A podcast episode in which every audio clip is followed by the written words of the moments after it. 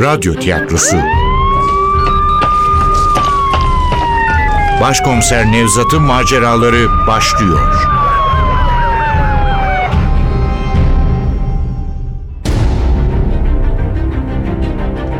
İstanbul Hatırası.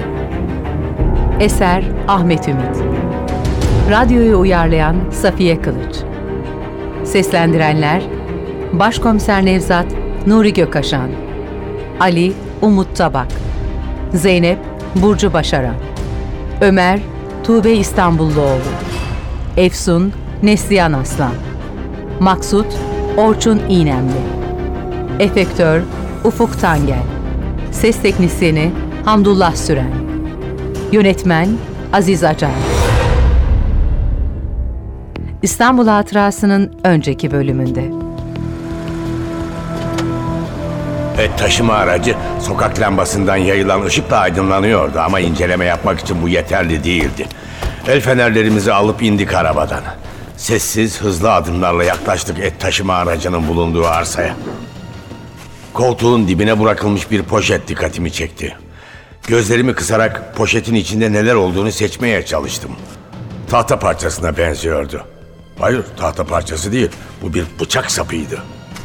Daha iyi görebilmek için öteki kapıya geçmek üzereydim ki Allahsızlar diye bağıran bir sesle olduğum yerde kala kaldım. Elindeki koca satırı havada savuran bir kişinin Ali'ye doğru koştuğunu gördüm. Aynı hiddetle onu takip eden üç adam daha vardı arkasında. Bereket Ali fark etmişti. Hiç paniğe kapılmadan çevik bir hareketle yana çekildi. Adamın savurduğu satır gecenin boşluğunu ikiye böldü. Ali'ye yardıma gitmek isterken sağ kürek kemiğimin üstünde bir acı hissettim. El fenerim düştü, arabanın kapısına doğru yıkıldım. Ani bir tepkiyle döndüm. Hiç tanımadığım bir adam iki eliyle kavradığı sopayı kaldırmış, kafama indirmeye hazırlanıyordu. Tam zamanında yakaladım ellerini ama oldukça güçlüydü. Aramızda çetin bir mücadele başladı. Gecenin sessizliğini Zeynep'in sıktığı üç el silah sesi böldü. Adamların üçünün de elleri havadaydı. Üçünün de yüzünde aynı şaşkın ifade ve üzerlerinde aynı renk çizgili pijamalar vardı. Aralarından tanıdık bir yüz hemen belli ediyordu kendini. Ömer. Biraz sonra sorgu odasında karşımda oturuyordu Ömer. Israrla Mukadder Kınacı'yı öldürmediğini, hayali CIA hikayemize rağmen Afganistan'da gırtlağı kesilerek öldürülen Amerikalı binbaşı Ted Nelson cinayetiyle ilgisi olmadığını söylüyordu.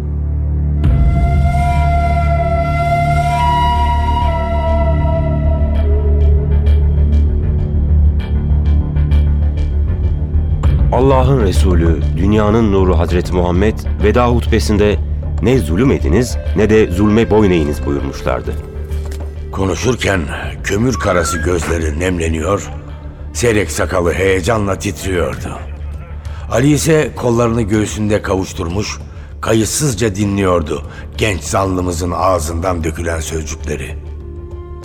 Yorulduğundan mı yoksa sıkıldığından mı iskemleye çökmüştü ama gözleri yırtıcı bir kuş gibi hala zanlımızın üzerindeydi.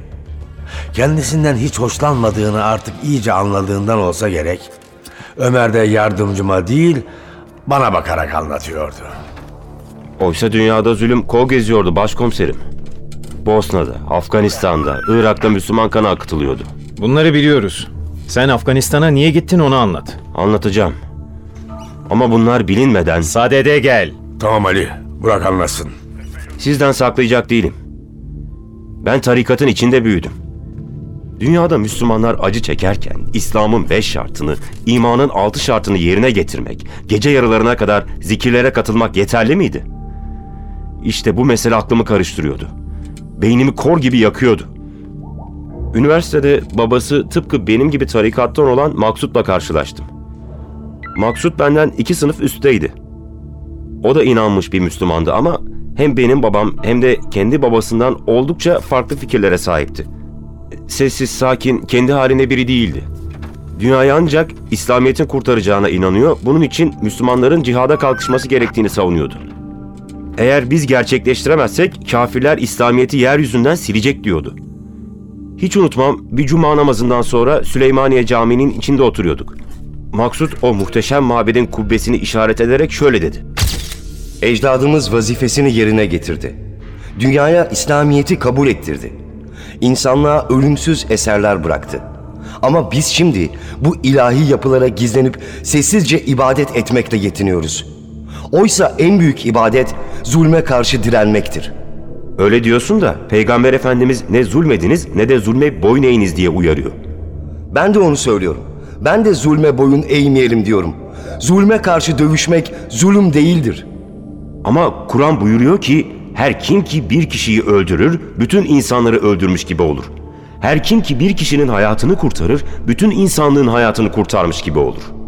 Eksik biliyorsun kardeşim. O ayetin tamamı öyle değildir.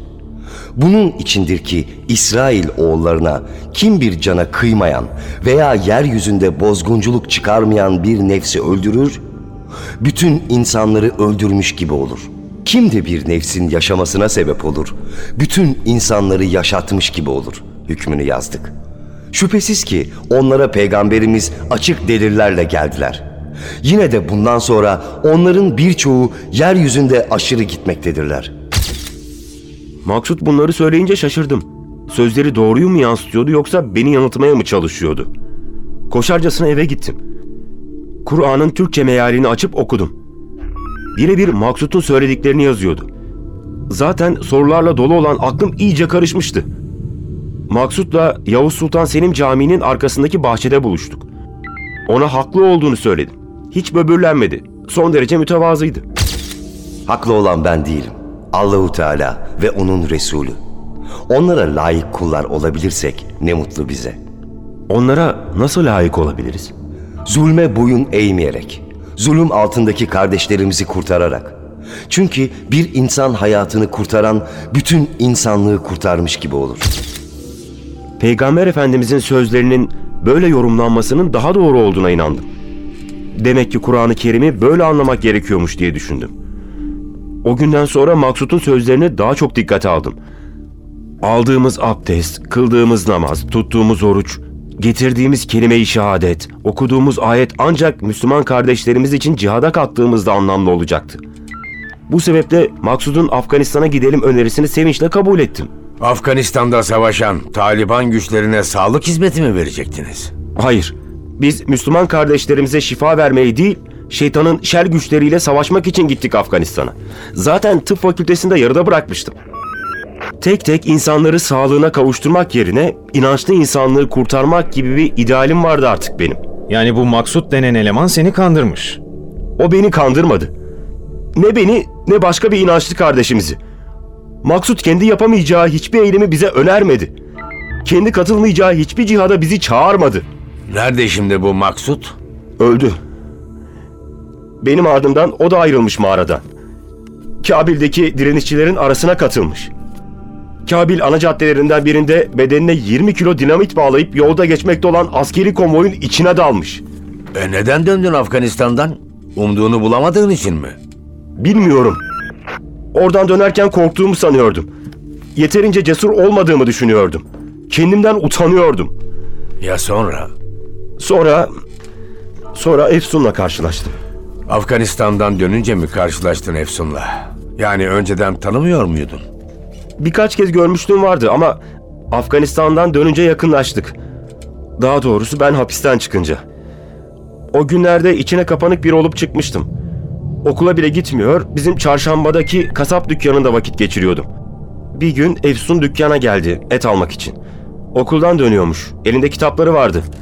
İbni Arabi'nin Füsus Ül Hikem adlı eserini görünce dayanamayıp sordum. O elindeki Resulullah'ın buyruğuyla yazılan kitap mı? Evet, İbni Arabi Hazretleri öyle söyler. Bir gece rüyasında Peygamber Efendimiz ona görünmüş ve demiş ki, Ey Arabi'nin oğlu, bildiğin hakikatleri halka açıkla. İbni Arabi Hazretleri de onun üzerine bu kitabı yazarak sırlarını insanlarla paylaşmayı seçmiş. Okumak isterseniz bırakabilirim. Kitabı aldım, okumayı denedim ama birinin şerh etmesi lazımdı. Efsun'dan rica ettim. O da sağ olsun kabul etti. Sonra da birbirimizi sevdik ve nişanlandık. Efsun'un sayesinde kurtuldum dedin. Peki Efsun hangi yanlıştan kurtardı seni? Biraz daha su miyim?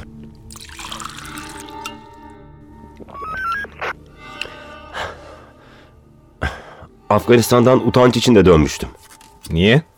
Afganistan'da ne oldu ki utanç içinde döndün? Şu Amerikalı binbaşı. Ted Nelson mu? Ted Nelson, evet. Ted Nelson öldüğünde ben de oradaydım. Dağlık bir bölgedeydik. Binbaşıyı bir çatışmada ele geçirmişlerdi. 1.90 boyunda iri yarı bir adam. Yüzlerce Müslüman kardeşimizin ölümünden sorumlu, acımasız bir katil olduğu söyleniyordu. Ama benim gördüğüm adam o iri cüssesine karşın oturduğu kayanın üzerinde küçülmüş bir savaş esiriydi. Sarı kirpiklerinin altındaki gri gözleri yardım edin dercesine bakıyor. Herkese gülümsemeye çalışarak yanına kim giderse Peştun İngilizce karışımı bir dille lütfen acıyın iki kızım var diyordu. Ama hüküm verilmişti. Karar kesindi idam edilecekti. Lakin infaz zamanı için Amerikalıların yapacakları yeni bir saldırı bekleniyordu. O saldırıya misilleme olarak binbaşı öldürülecekti. Maksut yanıma geldi. Elini omzuma koyarak müjdeyi verdi. Tebrik ederim kardeşim.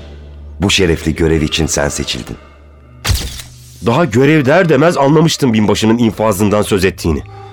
İnfazın bıçakla mahkumun boğazını keserek yapıldığını da biliyordum. Önce bir şey hissetmedim. Hatta sevinmiştim bile. Mücahit kardeşlerim bana güvenmiş, önemli bir görev vermişti. Üstelik bu konuda tecrübem de vardı. Evet, şimdi bunları söylerken bile tüylerim diken diken oluyor ama bıçak kullanarak hayvan kestiğim çok olmuştu. Sonunda o an geldi. Amerikalılar Kabil yakınlarında 73 Müslüman direnişçiyi pusuya düşürmüşlerdi.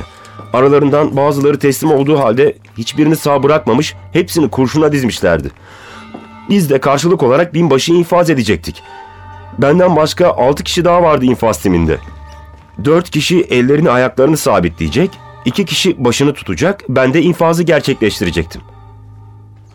Ali ile ben sanki o anda yanında sığındıkları mağaradaymışız gibi çıt çıkarmadan dinliyorduk Ömer'i. Binbaşının tutuklu bulunduğu mağaraya girer girmez adamcağız anladı başına gelecekleri. Panik içinde yalvardı. Artık sadece İngilizce konuşuyordu. Ama boşunaydı. Tek yapmam gereken elimdeki keskin bıçağı gırtlağına bastırmaktı. Ama yapamadım. Önce adamın yüzündeki çillere takıldı bakışlarım. Sonra gözlerine. Bakışlarımı kaçırmaya çalıştım. Söz dinlemeyen elimi itaate zorladım ama hayır. Sanki ilahi bir güç beni bağlamıştı. Bıçağı tutan elimi bir türlü hareket ettiremiyordum. Baktım olacak gibi değil. Şaşkın bakışlar altında bıçağı atıp kovuktan dışarı fırladım. Utanç içinde ağlıyordum. Beni durduran Maksut oldu. Ona sarıldım. Sakinleşinceye kadar hüngür hüngür ağladım. Sonra olanları anlattım. Beni aşağılayacağını düşünüyordum. Hakaret edeceğini. Yapmadı. Sakince dinledi. Sözüm bitince sen hazır değilsin dedi sadece. Ne hayal kırıklığı vardı sesinde ne de küçümseme. Sonra yanımdan uzaklaştı. Üç gün kimse yanıma gelmedi. Kimse konuşmadı. Sonunda mücahitlerin Pakistanlı komutanı beni yanına çağırdı. Türkiye'ye dönmemin herkes için iyi olacağını söyledi. Aslında sevinmiştim bunu duyduğuma. Çünkü artık bu insanların arasında yaşayamazdım. Herkes bana korkak gözüyle bakacak, bana güvenmeyecekti. Bu yüzden hiç karşı çıkmadım bu öneriye. Ya binbaşı? Ona ne oldu? Onu öldürmüşler. Benim yapamadığımı Afgan bir mücahit yapmış. Üç oğlunu, karısını ve yaşlı annesini bir Amerikan bombardımanında kaybeden bir Afgan. Bu olaydan bir gün sonra Amerikalılar mücahitlerin barındığı o mağarayı saptamışlar. Mağarada canlı cansız ne varsa hepsini yakmışlar. Ali ile ben her gün cinayetlerle karşılaşıyorduk. Akıl almaz, zalimce işlenmiş cinayetler. İnsanoğlunun çıldırdığını kanıtlayan vahşilikler. Bir anlamda ölüler içinde yaşıyorduk. Ama bu anlatılanlar bizi bile etkilemişti. Bir süre ne diyeceğimizi bilemeden öylece kaldık. Ama Ömer anlatmaya devam ediyordu.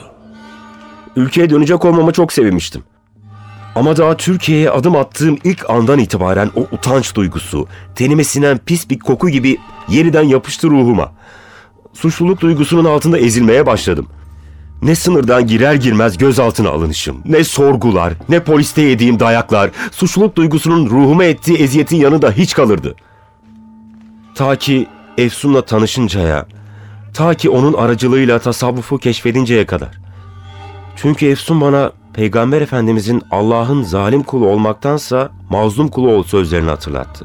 Çünkü Efsun bana inancın zorbalık değil sevgi olduğunu kavrattı. Onun sayesinde İslam'ın barış, İslamiyet'in teslimiyet olduğunu anladım. O sebepten ki ne ben ne Efsun kimseyi öldürebiliriz. Çünkü biz katil olmak yerine kurban olmayı seçtik. Can almak insanın değil, sadece ve sadece o canı yaratan Allah'ın hakkıdır. Can almak Allah'ın hakkıymış. Tasavvufmuş. Nasıl da yalan söylüyor. Ömer'i yarım saat önce yeniden nezarethaneye abilerinin yanına göndermiştik. Ali ne kadar hayal kırıklığına uğramışsa Ömer de o kadar tedirgindi sorgu odasından ayrılırken. Hala kendisini CIA ajanı Alvin'e teslim edeceğimizi sanıyordu. Ömer'in suçlu olduğundan emin olmasam da soruşturmasının şu aşamasında ne onu rahatlatacak bir açıklama yapmayı ne de serbest bırakmayı düşünüyordum. Bütün ısrarlarına rağmen durumu yeniden değerlendireceğiz dışında bir açıklama yapmadım. Ama bu ketum davranışım bile Ali'ye yetmemişti. Ona kalsa Ömer'in canını okumamız gerekiyordu. Kızdığı kişi bendim aslında. Öfkesini amirinden çıkaramayacağı için Ömer'i atıp tutuyordu. Sonunda dayanamadı, lafı bana kadar getirdi. Onu öyle kolayca nezarethaneye göndermeyecektik başkomiserim. Şimdi mışıl mışıl uyuyordur ranzasında. Sorgu odasını dar edecektik ona. Kahvehanede sohbet eder gibi konuştuk adamla. Korkmadı bile herif. Onu korkutarak bir yere varamazdık Ali. Hem oğlan bana samimi gibi geldi. Doğruyu söylediğini öğrenirsek hiç şaşırmam. Hiç sanmıyorum. Bizi kandırmaya çalışıyordu. Baksanıza nasıl da hayranlıkla bahsediyordu Maksut denen adamdan. İnsan öldürmekten çekinmeyen bir teröristi kahraman gibi sundu bize. Yok başkomiserim bu Ömer masal anlattı bize. Belki de mukadder kınacının malını mülkünü yapacakları eylemler için harcayacaklardır. Bağlantıları bilmiyorum ama öteki kurbanların ölümü de bununla ilgili olabilir. Kusura bakmayın ama bu konuda size katılmıyorum başkomiserim. Olan resmen dalga geçti bizimle. Kendi kafasında yazdığı senaryoyu kuşkularını yan yana ekleyerek yeniden kurguluyor. Her defasında da kendi hikayesine hayran kalıyordu. Hayal dünyasını geliştirmek için fena bir yol olmayabilirdi ama suçluyu bulmak için son derece yanlış bir yöntemdi. Gel gelelim sabahın dördünde bütün gücüm tükenmiş. Sırtımdaki acı artarken yardımcımla bunları tartışacak mecalim yoktu. Yine de ikna olur diye açıklamaya çalıştım. Öyle diyorsun da Ali'cim. En azından terörle mücadeledekilere söylemediklerini bize itiraf etti. O anda Zeynep girdi odaya. Sağ elindeki saydam delil torbasının içinde et taşıma aracının şoför mahallinde bulduğumuz beyaz poşetteki kanlı kasap bıçağı vardı. Sol elinde ise tek sayfalık bir rapor. Ama aklı içeri girerken duyduğu son cümleye takılmıştı. Kim itiraf etti başkomiserim? Gel Zeynep. Ne oldu? Tespit edebildin mi bıçaktaki kanı? Ettim başkomiserim. Ne yazık ki hayvan kanıymış. Zeynep emin misin? İyi araştırdın mı? Üzgünüm Ali. İmmünoloji testi yalan söylemez. Belki de et taşıma aracının içini araştırmamız lazım. Eğer katil Ömer ve ağabeyleri ise cesetleri o araçla taşımışlardır. Haklıydı. Asıl aracın içini araştırmamız gerekiyordu. Ancak öyle anlayabilirdik Ömer'in suçlu olup olmadığını. Ama bu işi yapmak için savcılıktan izin almalıydık. Aslına bakarsanız şu kasap bıçağını incelemeye de yetkimiz yoktu. Fakat böyle ciddi bir davada bürokratik işlemleri beklersek önemli fırsatları kaçırabilirdik. O yüzden önce incelemeyi yapıp sonra da sabahleyin savcılıktan izin almayı seçmiştik. Fakat et taşıma aracının incelenmesi Zeynep'in tek başına yapabileceği bir iş değildi. Özel bir ekip oluşturulmalıydı. Özel ekip demek araştırmanın büyümesi demekti. O zaman da işi kitabına uydurmak zorlaşıyordu. Et taşıma aracının buzluk bölümüne ancak sabah savcılıktan izin alındıktan sonra girilebilirdi. Şu aracı nereye koydunuz? Kimse elini sürmeyecek değil mi? Sürmeyecek başkomiserim. Aracı emniyetin bahçesine çektik. Anahtarları da bende. İyi kimse farkına varmadan şu bıçağı da aracın içine aldığımız yere koy. Tamam başkomiserim. Sabah da ilk işimiz savcılıktan izin almak olsun. Hem bıçağı hem de taşıtın içini araştırmak için. Emredersiniz. İzni koparır koparmaz ekip işe başlayacak. Ama epey zor olacağı benziyor. Aracın arka tarafı olduğu gibi kan içinde. Muhtemelen kesilen hayvanların kanı. O kan denizinin içinde insan kanı arayacağız. Başka çaremiz var mı Zeynep? Belki de olayı çözecek kanıtlar Okan Denizi'nde saklı. Sabah iyi bir ekip kur. Gerekirse laboratuvardaki herkesi görevlendir. Mazeret istemiyorum. Şu anda cinayet masasının en önemli işi bu dosya. İtiraz edenler olursa isimlerini al. Ben onlarla konuşurum. Merak etmeyin başkomiserim. O aracın içinde insan kanı varsa tek damla olsa bile onu mutlaka bulacağız. Hayır Zeynep, sen kan aramayacaksın. O işi özel ekip yapsın. Başlarına sorumlu ata. Bu olayda senin daha yukarıda durmanı istiyorum. Hep yanımda olacaksın. Her an yeni bir gelişme olabilir çünkü. Anlıyorum başkomiserim. İyi. Ah, hadi gidip uyuyalım o zaman. Benim pilim bitmek üzere. Siz de pek iyi görünmüyorsunuz. Birkaç saatli olsa dinlenmek lazım. Ali hiç memnun olmamıştı bu önerime. Ona kalsa savcılıktan izin almayı falan beklemeden hemen sokardı laboratuvardaki görevlileri et taşıma aracının içine. Bu arada kendisi de boş durmaz bir kartal gibi çullanırdı Ömer'in üzerine. Ali'nin ne düşündüğünü hiç umursamadan pardüsüme uzanıyordum ki Zeynep sorusunu yineledi. İtiraf meselesi ne? Kim itiraf etti? Ömer. Uzun hikaye. Ali eve bırakırken sana anlatır. Çocuklar bakın. Bu defa canınıza okurum. Dün akşamki gibi beni atlatmak yok. Doğru eve. İkiniz de güzel bir uyku çekeceksiniz. Gün ışıdığında çok işimiz olacak.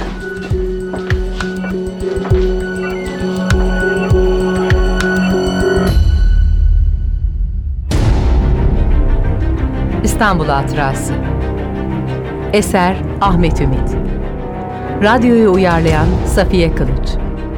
Seslendirenler Başkomiser Nevzat Nuri Gökaşan Ali Umut Tabak Zeynep Burcu Başaran Ömer Tuğbe İstanbulluoğlu Efsun Neslihan Aslan Maksut Orçun İğnemli Efektör Ufuk Tangel Ses Teknisyeni Hamdullah Süren Yönetmen Aziz Acar